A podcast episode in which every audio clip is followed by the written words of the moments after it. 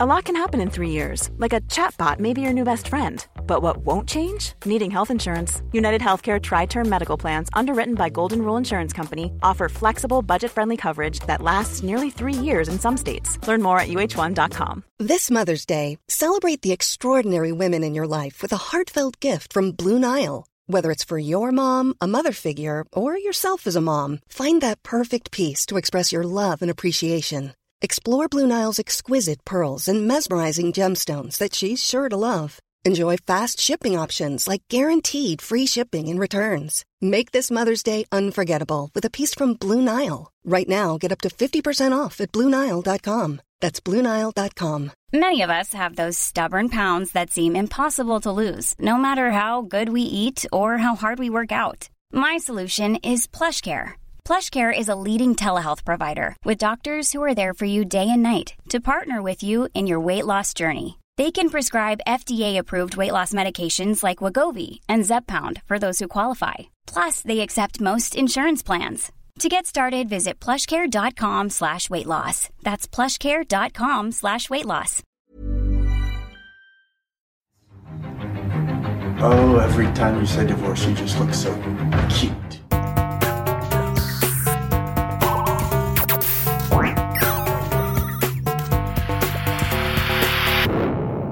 Velkommen til Sinnsyn.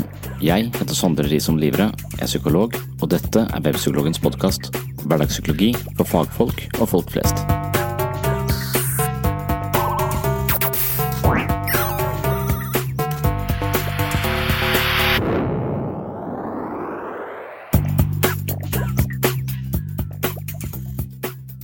Denne gangen har jeg snakka med journalist Kristine Gulbrandsen. Hun ville vite litt om barn og skilsmisser, og hun stilte en del spørsmål jeg overhodet ikke klarte å svare på. Kanskje fordi jeg ikke vet svaret, men eh, rett og slett også fordi jeg er usikker på om det finnes gode svar. Helt spesifikt lurte hun på om det er et tidspunkt i barnets alder hvor det takler en skilsmisse på best mulig måte. Er det lurt å vente til barnet blir eldre, skille seg så fort som mulig mens barna er små, eller er det andre faktorer man bør tenke på dersom man vet at man går mot separasjon? Dessverre har jeg ingen veldig god råd i denne sammenhengen, men vi fikk likevel til en prat rundt tematikken. Ved skilsmisser er det mange hensyn å ta, og kanskje klarte vi å belyse noen av dem. Denne episoden inkluderer jeg i serien av episoder om familiepsykologi. Temaet er familier i oppløsning. Hvordan håndtere en skilsmisse på best mulig måte, hva skal man si til barna, og finnes det egentlig et godt tidspunkt for en skilsmisse? Velkommen til en ny episode av Sinnsyn. I've been divorced for five years, and uh, it's been the best part of my life, being divorced. Easily my favorite part of my life. I love being divorced. Every year has been better than the last. And it's the only time I can say that about. And by the way, I'm not saying don't get married. If you meet somebody, fall in love and get married, and then get divorced, because that's the best part. It's the best part. Marriage is just like a larva stage for true happiness, which is divorce, because you just let go and everything's fine now. Divorce is forever. It really actually is. Marriage is for how long you can hack it. But divorce just gets stronger like a piece of oak. Nobody ever says, Oh, my divorce is falling apart. It's over. I can't take it. Hei, hei, det er meg, Kristine. Jeg tror det er Sondre Livrød som ringer. Hei, hei, Sondre. Hvordan går det med deg, da? Det går fint. Så bra. Ja. Busy. Hva sier du? Er det full rulle? Eh, ja, sånn nei, van, vanlige dager. Gruppeterapi eh, fram til nå. Ja. Spennende, spennende. Men du, da må vi bare kaste oss ut i det, så du får gjort alt det du skal. Ja. Eh, denne saken skal, Vi skriver for mange forskjellige. Vi har Kari Byklum, som også har intervjua deg mange ganger før. Ja. Eh, men denne gangen skal det til Fedrelandet og så Skipsstedavisene. Ja. Da er, som jeg skrev til deg, så er det liksom ja, Arbeidstittelen det er det der det, Er det et spesielt tidspunkt hvor det er best eller verst for barna at foreldrene skiller seg?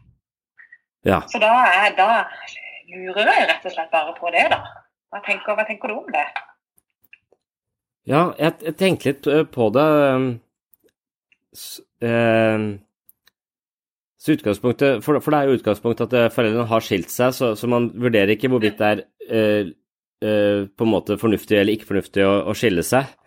Jo da, absolutt. Så det ligger på en måte i premissene. At uh, hvis ja. foreldrene først de, de, skal gå fra seg, eller gå fra hverandre, er vel kanskje tanken da i saken.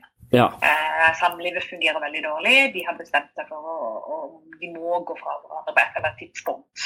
Ja. Men, men, er det en eller annen alder eller et eller annet tidspunkt som er best for barna? Er det, når, altså, er det når barna er veldig veldig små? Er det når de er blitt litt eldre og de kan forstå ting? Eller er det når de er blitt voksne? Altså, hvor, hva er, ja. hva er det? Mm.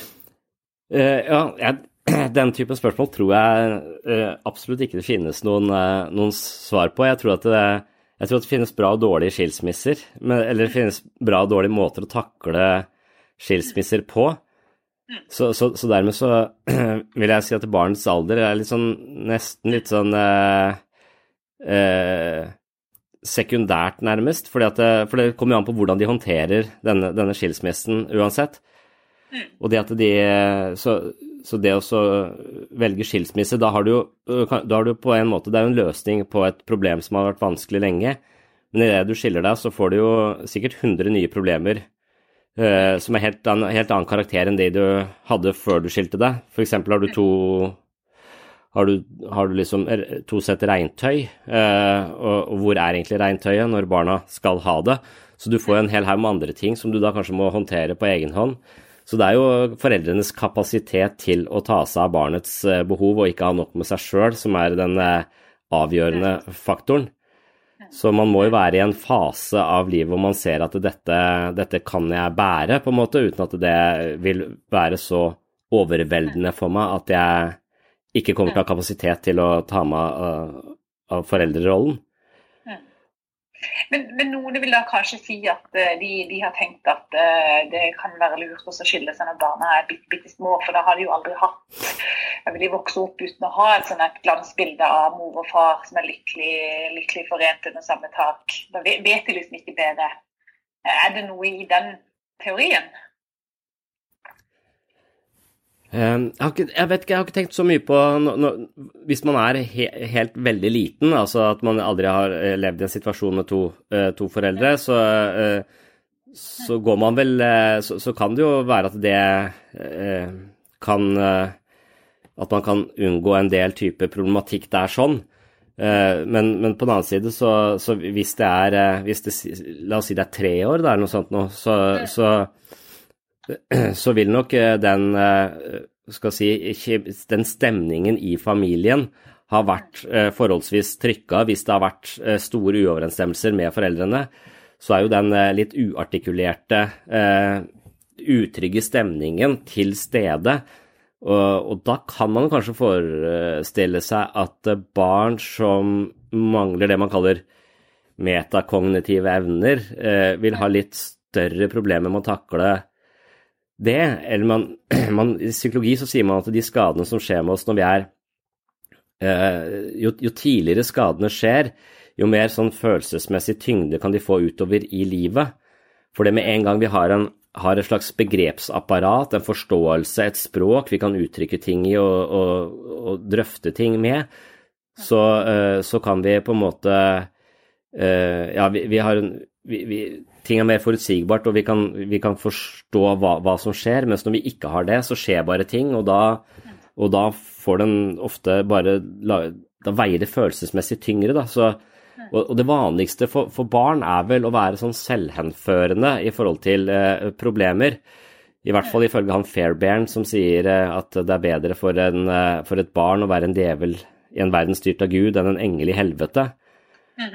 Om, om, det mener han jo at, eh, at, det er ikke så uvanlig for barn å ha sånne uh, mestringsstrategier hvor de deler verden i sort-hvitt, for det er det lettere å, lettere å, forholde seg til.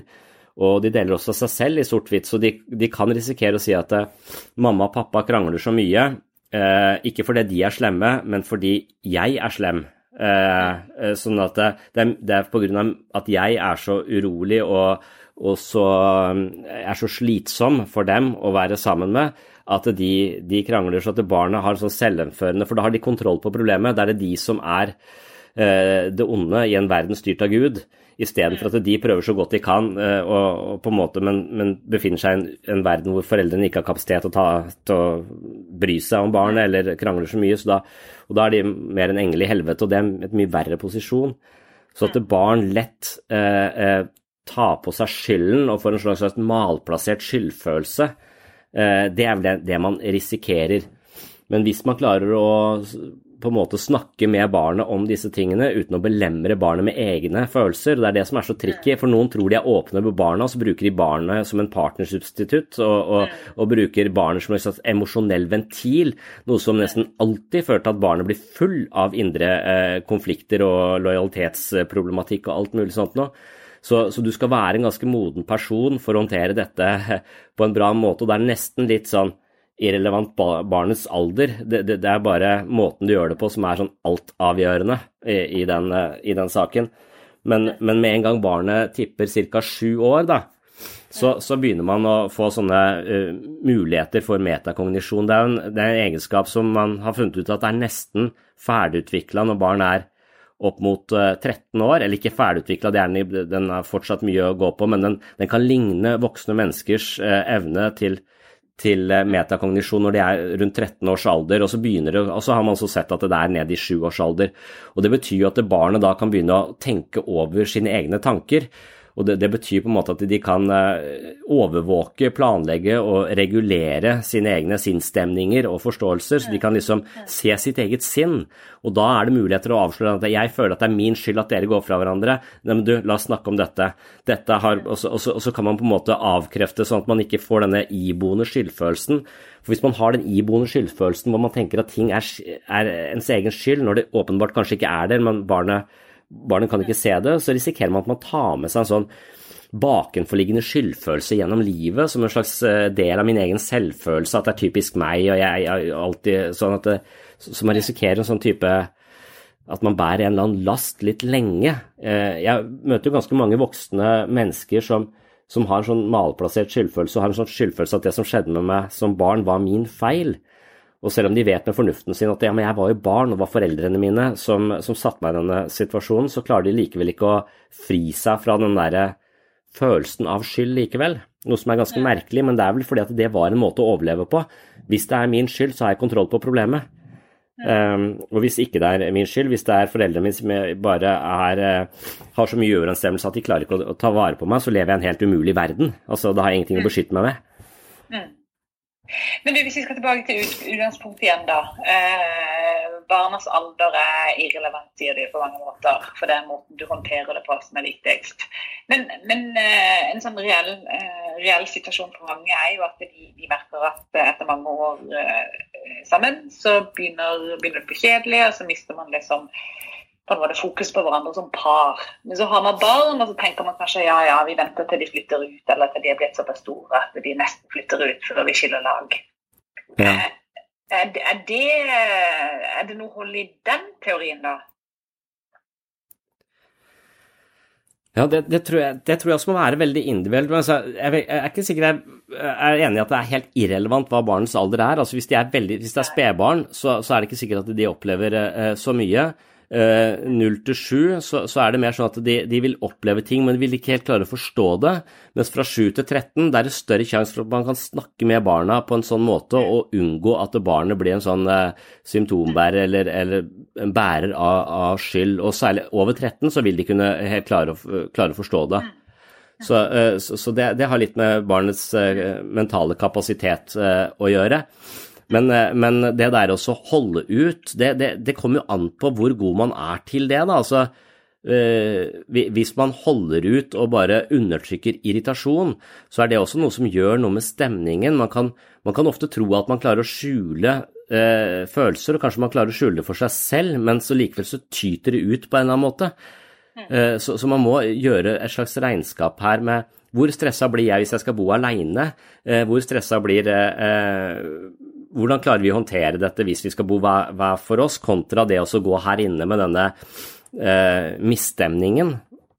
Så, så, så, jeg tror enhver en sånn situasjon så må man jo Det, er, det fins vel ikke noe enten-eller, enten hvis man er plutselig bare ser på seg hverandre som nesten sånn arbeidspartnere, da, eller at man er kollegaer nærmest. At dette er familien AS som bare skal, skal fram til 18-årsalder og, og, de flytter ut.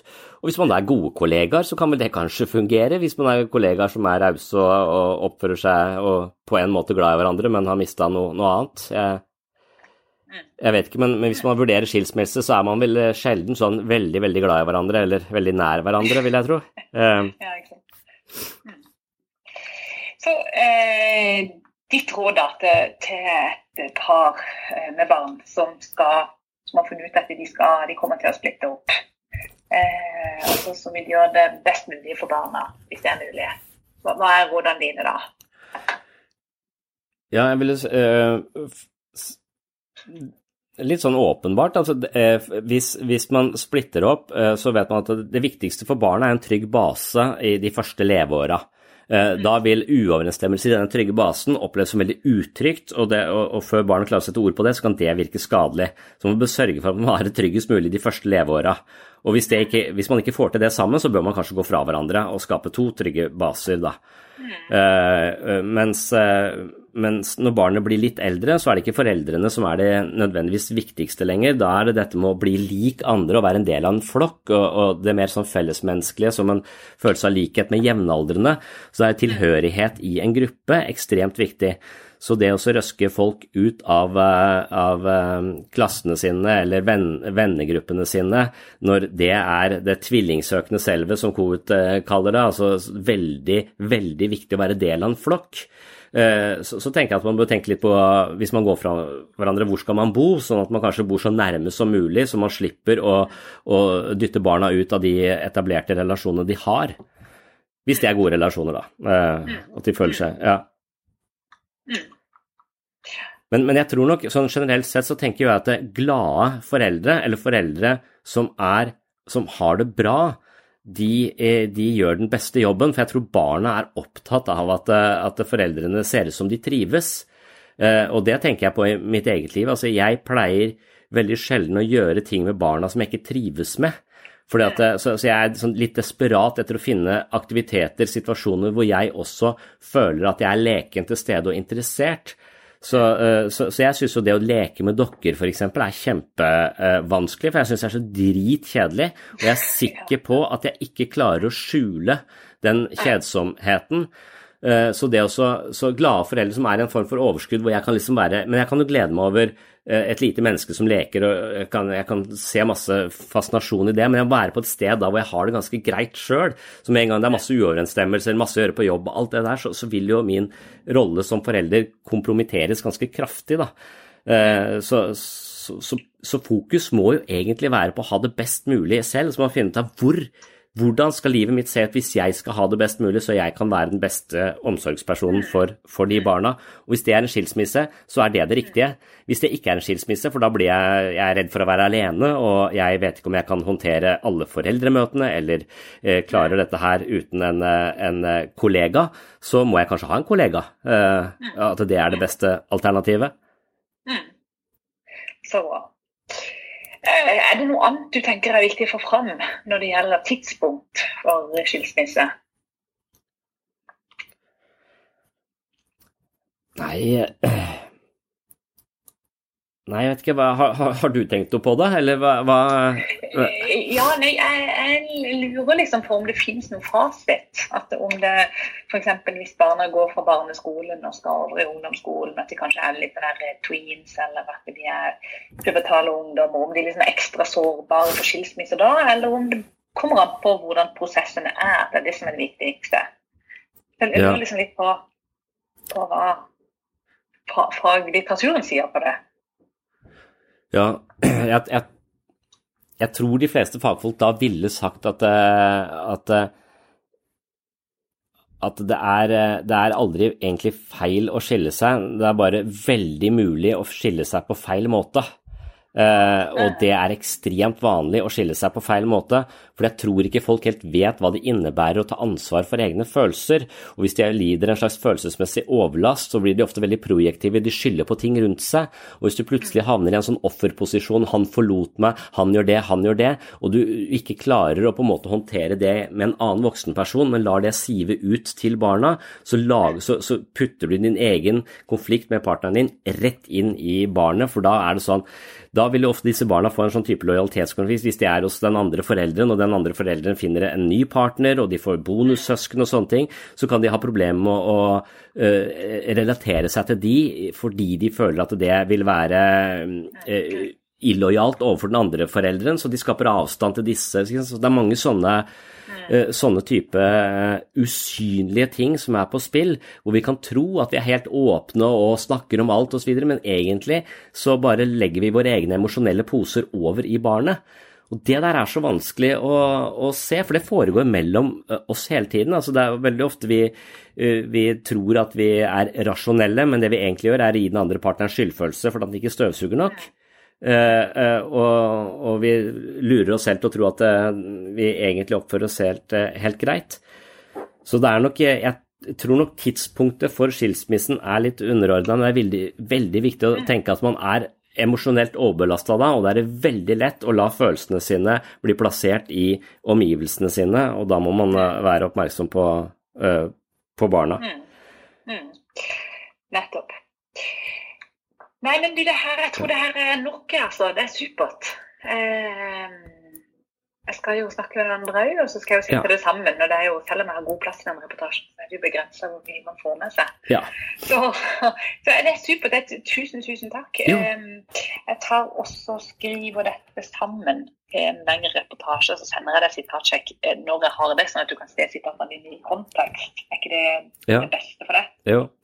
Men det ja. du sa om disse Du sa, nevnte du tenåringene? Eller nevnte du den tiåringen? Ja. Nei, overgang til ungdomsskolen? Ja, overgang. De så, ja. sånn sårbare overgangsalder, skulle jeg si. ja.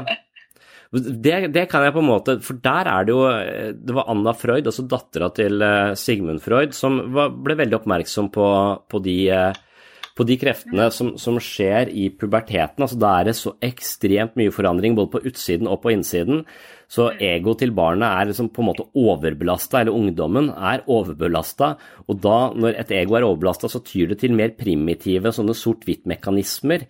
Eh, så den, det å få noen sånne splitting, eh, den ene eh, pappa er helt hvit og mamma er helt svart, type dramatikk oppi pubertet og hormoner og sånt noe, det, mm. det, er nok litt, kanskje litt farlig. Eh, så, så, der tror jeg kanskje du er inne på noe, at det kan være en enda kanskje vanskeligere eh, prosess.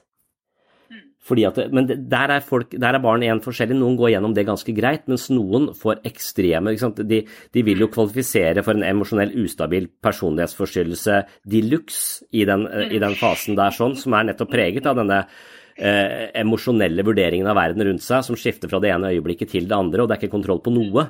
Og når man da på en måte den basen, denne foreldre, det, mitt hjem, også går i oppløsning, så, så, faller man kanskje litt fritt eh, når man er eh, i, i, puberteten. For noen. Så det er kanskje en sårbar fase. And again, if you're in a good marriage, stay in it. If you're in the best marriage ever, stay in it. I'm just saying, if you got out, it would be better. That's just a fact. I'm sorry. I'm sorry, but it's true. Ja, Louis CK er uh, åpenbart veldig fornøyd med sin egen uh, skilsmisse. Før det så var det altså en samtale med journalist Kristine Gulbrandsen, som skriver en lengre artikkel om dette her. Kanskje er det lurt å konsultere artikkelen dersom man vil ha flere innspill. Jeg vil avslutte denne episoden med noen egne innspill fra en artikkel jeg skrev i 2012. Den har overskriften Hva skal man si til barna? Ved ekteskapsproblemer eller skilsmisse blir barna ofte lidende. I verste fall blir barna foreldrenes følelsesmessige støttespillere. Hva sier man til barna om konflikter i familien? Mom deserves the best, and there's no better place to shop for Mother's Day than Whole Foods Market. They're your destination for unbeatable savings, from premium gifts to show-stopping flowers and irresistible desserts. Start by saving 33% with Prime on all body care and candles. Then get a 15-stem bunch of tulips for just $9.99 each with Prime. Round out Mom's menu with festive rosé, irresistible berry chantilly cake, and more special treats. Come celebrate Mother's Day at Whole Foods Market. When you're ready to pop the question, the last thing you want to do is second guess the ring. At Bluenile.com, you can design a one of a kind ring with the ease and convenience of shopping online. Choose your diamond and setting. When you find the one, you'll get it delivered right to your door. Go to Bluenile.com and use promo code LISTEN to get $50 off your purchase of $500 or more. That's code LISTEN at Bluenile.com for $50 off your purchase.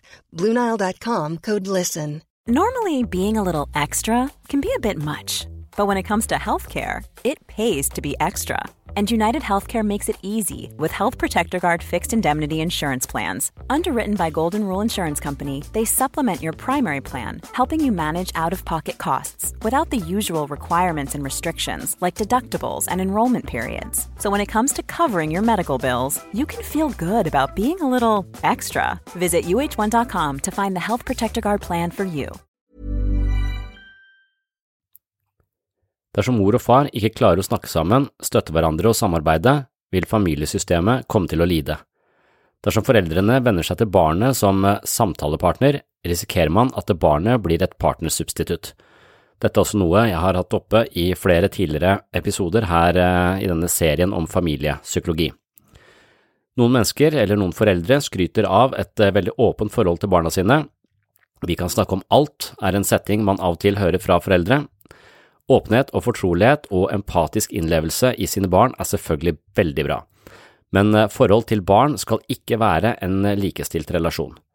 Hvis mor eller far bruker barnet som støtte og bearbeidelse av egne emosjonelle konflikter, får barnet for mye ansvar.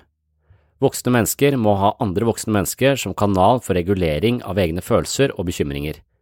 Hvis barnet blir foreldrenes emosjonelle krykke eller livspartner på godt og vondt, risikerer man en skjev balanse, og det er barnet som kommer til å lide på sikt. Barn trenger en trygg base. Barnet må føle sikkerhet på hjemmebane for å ha overskudd til å møte verden, bli kjent med seg selv og utvikle egne preferanser, egenskaper og selvstendighet. Ettersom barn er veldig oppmerksomme og som regel alltid får med seg det som skjer i familien, selv om det ikke er uttalt eller snakket om direkte, er det viktig med åpenhet og god kommunikasjon. Hvis barnet holdes utenfor konflikter og problemer, vil det ofte lage sine egne fortolkninger av problemene, og her kan fantasien til barnet bli dets verste fiende. Barn kan være svært selvhenførende, noe som betyr at de ofte kan forstå seg selv som opphavet til familieproblemene. Skam, skyld og diffuse mistanker om å være til bry kan etablere seg i barnet som en psykisk svulst. Lav selvtillit, negative tanker og usikkerhet kan bli en omfattende del av barnets indre liv. Dermed er det viktig at man ikke holder barna helt i skyggen av det som foregår av vanskeligheter i livet og i familien. De må føle seg delaktige, inkludert og forsikres om at de ikke er årsaken til problemene. Det betyr likevel ikke at man skal si alt til barna. Barn trenger innsyn via en åpen og fortrolig dialog med sine foreldre, men foreldrene må passe på at en slik åpenhet ikke overfører en følelsesmessig byrde på barna. Dette representerer på mange måter en hårfin balansegang. Hvordan skal barn inkluderes slik at de ikke havner i destruktive fantasier som plasserer dem selv ved roten til alt ondt? Barn må inkluderes på en måte som gir dem nødvendig trygghet og styrker deres relasjon til foreldrene. Det betyr at barnet ikke må belemres med foreldrenes uavklarte dilemmaer og emosjonelle konflikter, men heller ikke holdes utenfor vanskeligheter som angår familieforholdene. Kunsten er å inkludere barn på en måte som gir dem trygghet og oversikt uten at den emosjonelle byrden blir lagt på barnets skuldre. Det betinger at foreldrene har sine egne arenaer for bearbeidende samtaler med andre voksne. Det er viktig at foreldre evner å bære sine egne følelser før de involverer barna. Vi må tåle, forstå og uttrykke våre følelser i trygge relasjoner for å komme i en mental balanse som gir nødvendig overskudd til å møte barn på en solid og tilstedeværende måte. Det betyr at de voksne tar ansvar for egne følelser og skaper nok rom i seg selv til at en empatisk innlevelse i barnets behov kommer i første rekke. I en slik situasjon kan man være åpen og fortelle barna om mye av det som rører seg, men hele tiden med en grunnleggende trygghet som viser barna at de ikke trenger å påta seg voksenansvaret for å besørge en vanskelig familiesituasjon.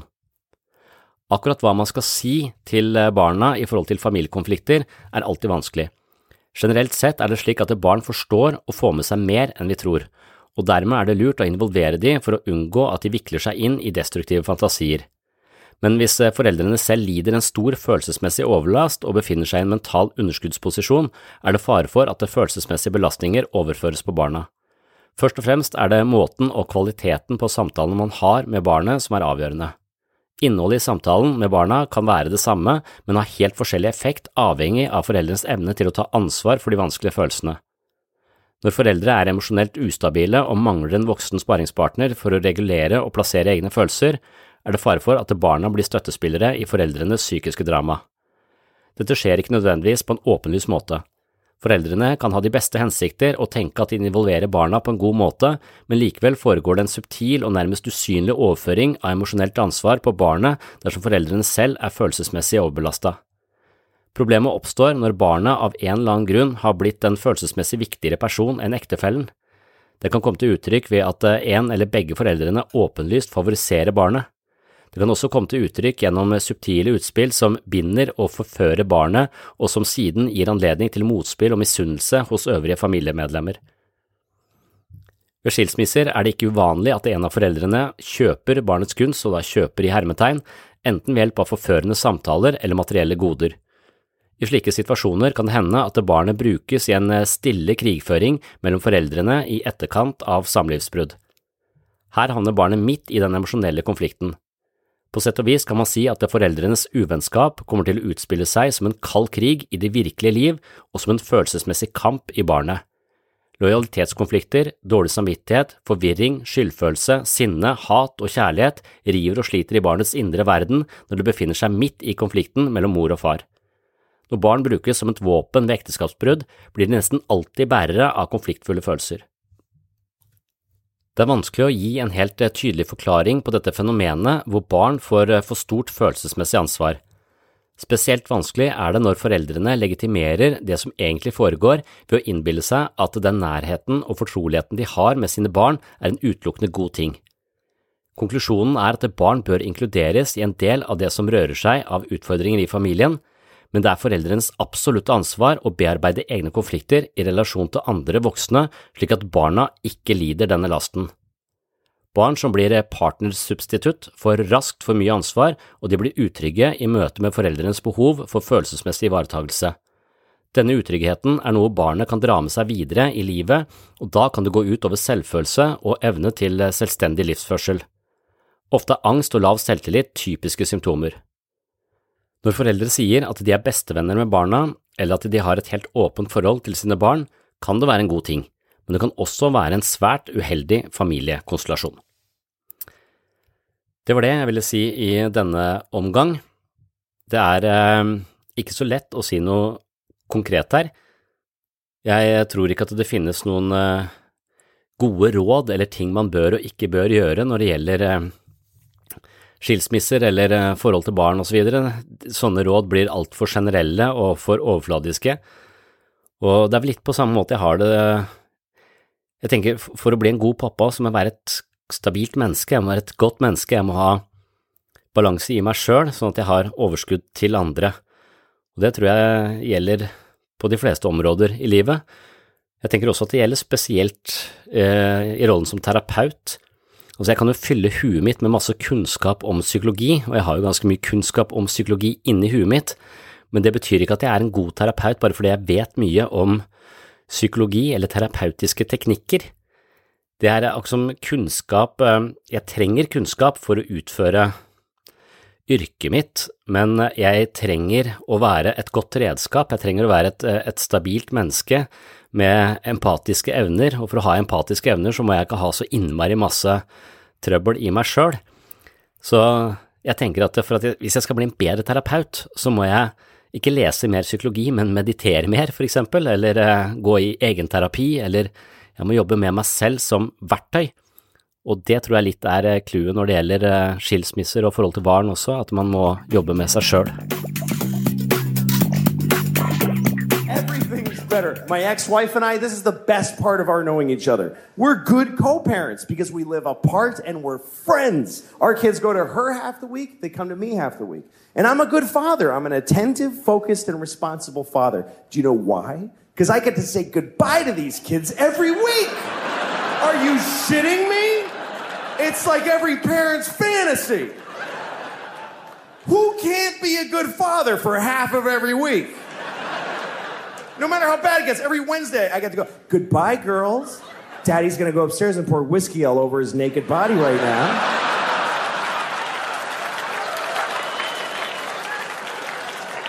I'm gonna lay in my own filth until two seconds before you come back here. That's why I'm such a good dad. Skilsmisser er vel aldri en, en hyggelig ting. Det, er jo, det kan jo være en forandring som er helt nødvendig for at uh, folk skal uh, ha det bra. Så, så det, på en måte så kan det være en helt nødvendig ting, men alltid en vanskelig ting. Og jeg tror aldri man kan si at det er feil å skille seg, jeg tror bare det går an å si at det, det er mulig å skille seg på helt feil måter. Og når man skiller seg på helt feil måter, så er det fordi at det er emosjonelle konflikter og dragninger som man ikke helt klarer å håndtere på en god måte.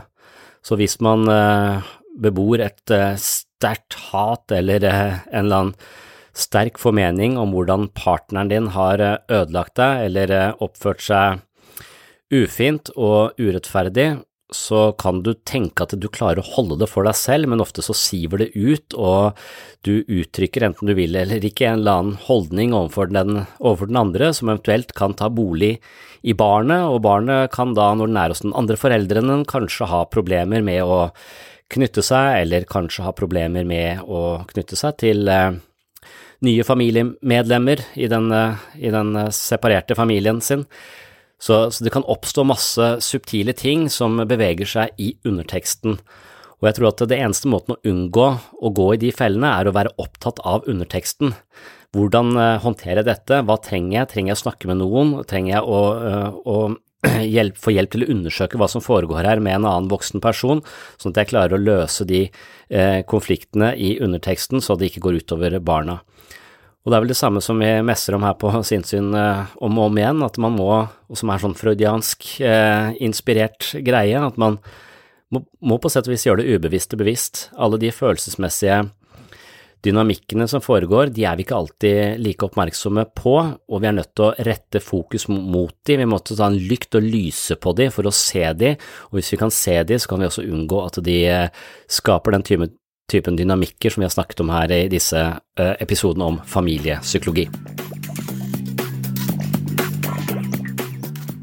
Ja, og mens jeg sitter her nå og spiller inn denne episoden, så får jeg en mail fra Kristine Gulbrandsen, og hun har eh, skrevet ferdig artikkelen sin, og hun har jo snakket med flere andre fagfolk om denne tematikken, blant annet eh, Frode Tuen, som er jo en veldig fremragende fagperson, også mye fremme i media på en flott måte. Så jeg, jeg, tror rett og slett jeg avslutter dagens episode med å lese artikkelen til Kristine Gulbrandsen, og hun skriver da følgende om skilsmisse. For barn vil det aldri være noe helt riktig tidspunkt at foreldrene skiller seg så det er ikke noe fasit på når det er best eller verst at foreldre går fra hverandre, sier skilsmissecoach Lise Strandvik og forfatter av boken Lykkelig skilt. Omtrent halvparten av alle ekteskap ender i skilsmisse, ifølge tall fra Statistisk sentralbyrå. I fjor var det 20 949 par som gifta seg, mens 10 630 tok ut separasjon og 9545 skilte seg. En typisk tabbe mange gjør, er å si til seg selv at de bare skal vente til ferien er slutt, til året er omme, til barna er så og så gamle eller til noen andre ytre faktorer faller på plass, fortsetter hun. Men Strandvik har ikke noen tro på at slike utsettelsesstrategier skal ha noen effekt. Har man først bestemt seg for å gå fra hverandre, er det bedre å bare sette i gang med prosessen og komme seg gjennom det. Jeg er også skeptisk til å utsette en forestående skilsmisse bare for barnas skyld. Hun tror nemlig barna vil merke det og føle at de må ta rollen som limet i foreldrenes forhold. Men det er ikke deres jobb. Det kan fort bli en byrde, og det er ikke sunt for barna. Bra og dårlige måter å takle skilsmisse på. Psykolog Sondre Risom Livre, som står bak webpsykologen.no, er i utgangspunktet skeptisk til å holde ut i samlivet til barna er ute av redet. Likevel tror han at det kan fungere for noen familier, men da under visse forutsetninger. Det kommer an på hvor god man er til å holde ut.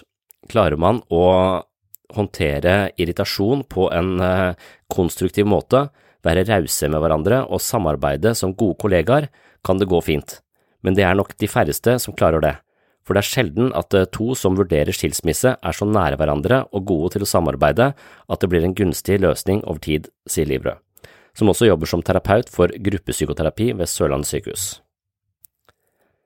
Dersom man stadig hakker på hverandre, krangler eller opplever at det er en trykket, dårlig stemning i hjemmet, tror han det vil være bedre for barna at de voksne splitter opp. Bedre med to trygge baser enn ett utrygt hjem, sier han. Det samme hevder psykolog Frode Tuen, professor ved Høgskolen på Vestlandet. Han viser til forskning som har funnet at barn har en tendens til å lide under foreldrenes dårlige samlivskvalitet, mens at et brudd kan øke den psykiske helsen deres og derfor være bra. Men samtidig, forskning viser også at dersom fasadeforholdet er relativt stabilt, hvor mor og far samarbeider godt og barna ikke ser tydelige tegn på at foreldrene har det vanskelig, så kan en skilsmisse ha motsatt effekt og skape problemer for barna. Når eh, er barna egentlig store nok til å forstå? I likhet med Strandvik tror heller ikke Liverød at eh, det finnes noen svar på når det er best eller verst for barn og ungdom at foreldrene skiller seg. Han forklarer at eh, hvordan barna forstår og takler skilsmissen er avhengig av deres uh, mentale kapasitet, som grovt sett handler om alder. De yngste barna, de som er mellom 0 og 7 år, vil i liten grad forstå hva som skjer. Barn i 7 til 13 års alder vil kunne snakke med foreldrene og forstå deler av situasjonen, mens de over 13 vil ha mental kapasitet til å forstå rekkevidden av det som skjer. Skiller man seg når barna er veldig små, kan man tenke seg at uh, det kan gjøre ting litt lettere i og med at de da ikke har noen minner om å ha levd sammen med begge foreldrene. Men det finnes ikke noen forskning som bekrefter eller avkrefter at disse barna klarer seg bedre etter skilsmisse enn eldre barn, sier Livrød. Når et barn er syv år eller eldre, er barnet i stand til å tenke eh, over egne tanker, overvåke sine egne sinnsstemninger og uttrykke hva han eller hun føler. Det kan være en fordel i en skilsmissesituasjon. Ja, for mange barn i denne aldersgruppen vil helt automatisk føle skyld når foreldrene går fra hverandre, men dersom foreldrene er flinke til å snakke med dem og fortelle dem at det ikke er deres skyld, vil de kunne avverge at en skyldfølelse får satt seg i dem og preger dem senere i livet. Selv om barna trenger innsyn i det som skjer via en åpen dialog med foreldrene, må de voksne samtidig passe på at en slik åpenhet ikke overfører en følelsesmessig byrde på barna. Livre presiserer at de voksne ikke bør bruke barna som samtalepartnere i håp om å få støtte eller få bearbeide sine egne emosjonelle problemer gjennom dem. Noen skryter av et veldig åpent forhold til sine barn, men forholdet til barna skal ikke være en likestilt relasjon. Voksne mennesker må ha andre voksne mennesker som kanal for regulering av følelser og bekymringer. Klarer du egentlig å se barnas behov, er en overskrift i denne artikkelen. Når et barn når puberteten, skjer det store forandringer både på utsiden og innsiden av barnet. For mange går dette helt greit, for andre kan det være vanskelig. En skilsmisse på toppen av dette kan være ekstra utfordrende. For en ungdom som sliter med å prosessere alle hormoner og endringer som skjer i kroppen, vil det kanskje være ekstra belastende å oppleve at hjemmet går i oppløsning samtidig. En slik person kan være ekstra sårbar for foreldrenes skilsmisse, og noen vil nok oppleve det som eh, fritt fall, beskriver Livrød. Det avgjørende da, og i alle skilsmisser der barn er involvert, blir hvorvidt foreldrene klarer å se barna sine og makter å sette deres behov foran sine egne, mener Tuen. Det kan være vanskelig, siden det ofte er mye såre følelser i skilsmissen. Kanskje den ene parten føler seg forlatt, og det å da løfte seg ut av følelsene sine og se barnas behov kan være utfordrende, men det må til. Så i stedet for å fokusere på når det er best eller verst for barnet at foreldrene skiller seg, er det nok heller bedre å innse at det finnes bra og dårlige måter for foreldre å takle skilsmisse på, sier psykologen. Ikke nødvendigvis bra å være bestevenner etter bruddet. Thun synes også det er viktig å få frem at det ikke nødvendigvis bør være et ideal at foreldrene som skiller seg, går ut av ekteskapet som kjempegode venner. Han tror ikke alltid det er til barnas beste, han tror heller ikke det er spesielt gunstig at begge foreldrene skal fortsette å være med på alle fellesaktiviteter som om alt var som før. De minste barna vil nok fort kunne lure på hvorfor ikke mamma og pappa kan fortsette å være kjærester når de er så gode venner, og det kan fort skape et gjenforeningshåp hos barna, sier han og forklarer at problemer med urealistiske forhåpninger er at det kan gi falske håp og stadige skuffelser. Da er det bedre at barna innfinner seg med situasjonen og forstår at det ikke blir noen gjenforening. Men samtidig er det jo veldig bra for barna at de skilte foreldrene kan samarbeide, ha en ok dialog og klare å få til gode prosesser rundt ting som skal avklares underveis i foreldreskapet, understreker han. Skilsmissecoach Strandvik eh, forteller at hennes misjon er å lære folk å rydde på innsiden i sine tanker og følelser før de forteller partneren at de ønsker skilsmisse. Det samme gjelder før man snakker med barna om samlivsbrudd familien står foran. Jeg tror det er viktig å jobbe seg gjennom sine følelser av sorg, skuffelse, bitterhet og frykt før man forteller barna at man har planer om å skilles. For det er ingen god idé å bare kaste seg ut i det og ta det som det kommer. Barna er det svakeste ledd, og det er gjerne dem det går tøffest utover dersom man ikke har gjort den indre ryddejobben grundig i forkant. Hun advarer mot å ta for lett på hvor vanskelig det kan være å gjennomgå en skilsmisse. Det nytter ikke å tenke at man bare skal bite tennene sammen. Man må se seg selv, sine behov og lære å ta godt vare på seg selv, for klarer man ikke å passe på seg selv, blir det vanskelig å gi barna det de trenger. Det er umulig å styre hva partneren føler eller tenker, men du kan styre eller kan lære deg å styre hva du selv føler, mener hun. Det er en stor avgjørelse å flytte fra hverandre, og det er mange følelser som dukker opp i forbindelse med skilsmisse. Ofte skal man ta et oppgjør med sin barndom, fordi det gjerne er sårene man ble påført som barn som gjør at man ble sammen med en man ikke passer sammen med, eller ikke får det til i kjærlighetslivet. Og vi må lære av våre feil før vi er klare til å gå videre, råder hun. Dette var altså teksten til Kristine Gulbrandsen. Jeg mener hun skrev denne for eh, flere aviser, jeg lurer på om det var blant annet Fedrelandsvennen og VG. Jeg vil takke henne for en hyggelig samtale. Det var også en forholdsvis eh, fin tekst, syns synes jeg, som oppsummerte det vi hadde snakket om, og det hun hadde snakket om med denne samlivs- eller denne skilsmissecoachen og Frode Tuen. Jeg annonserte at jeg skulle avslutte dagens episode med en sketsj fra Lene Kongsvik, og det snakket jeg om for eh, ca. ti minutter siden, men så klarte jeg bare ikke å avslutte denne episoden, men nå begynner det å nærme seg avslutning. Så takk for at du henger med, takk til alle som har hata podkasten, og nå kommer altså Lene Kongsvik i rollen som Birgitte, hvor eh, hun da er i parterapi sammen med sin mann, som jeg mener heter Thorvald. Og det er ikke ofte jeg anbefaler eh, par å gå fra hverandre. Men dere to Vi to hva? Dere to gjør hverandre syke. Altså, du er jo, har et temperamentsproblem. Og Thorvald er eh, kanskje for eh, svak å sette deg på plass. Altså, Unnskyld at jeg sier det, men eh, dere to er bare helt feil. Helt feil. Hører du, Thorvald? Terapeuten er enig. Hun syns vi skal gå fra hverandre. Men jeg bare lurer på eh, Hvordan våger du eh, å sitte og snakke sånn om vårt ekteskap? Altså, Thorvald svak? Er du klar over hvem du prater om? Torvald er en alfahann. Torvald kommer fra en familie med achievers. Han har oppdratt våre barn til å bli en ny generasjon achievers, og han har kommet seg på beina etter fire fuckings infarkt! Og ingen, ingen snakker dritt om min Torvald. Det er det bare jeg som gjør. Men det var jo du selv som sa Hei! Birgitte har vært på Dagens Næringslivs liste over skandinaviske toppledere tre år på rad. Hun har blitt kåret til årets ballbuster av Finance Weekly. Og hun har til og med fått Donald Trump til å grine over forhandlingsbordet. Ikke fortell henne hva hun har sagt, ikke sagt, det vet hun rimelig godt selv. Så hvis du nå kan se å pelle deg ut på gangen, for vi har tenkt å knulle på kontoret ditt.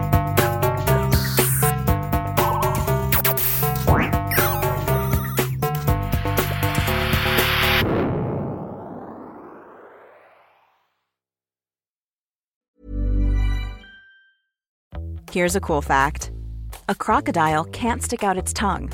Another cool fact you can get short term health insurance for a month or just under a year in some states.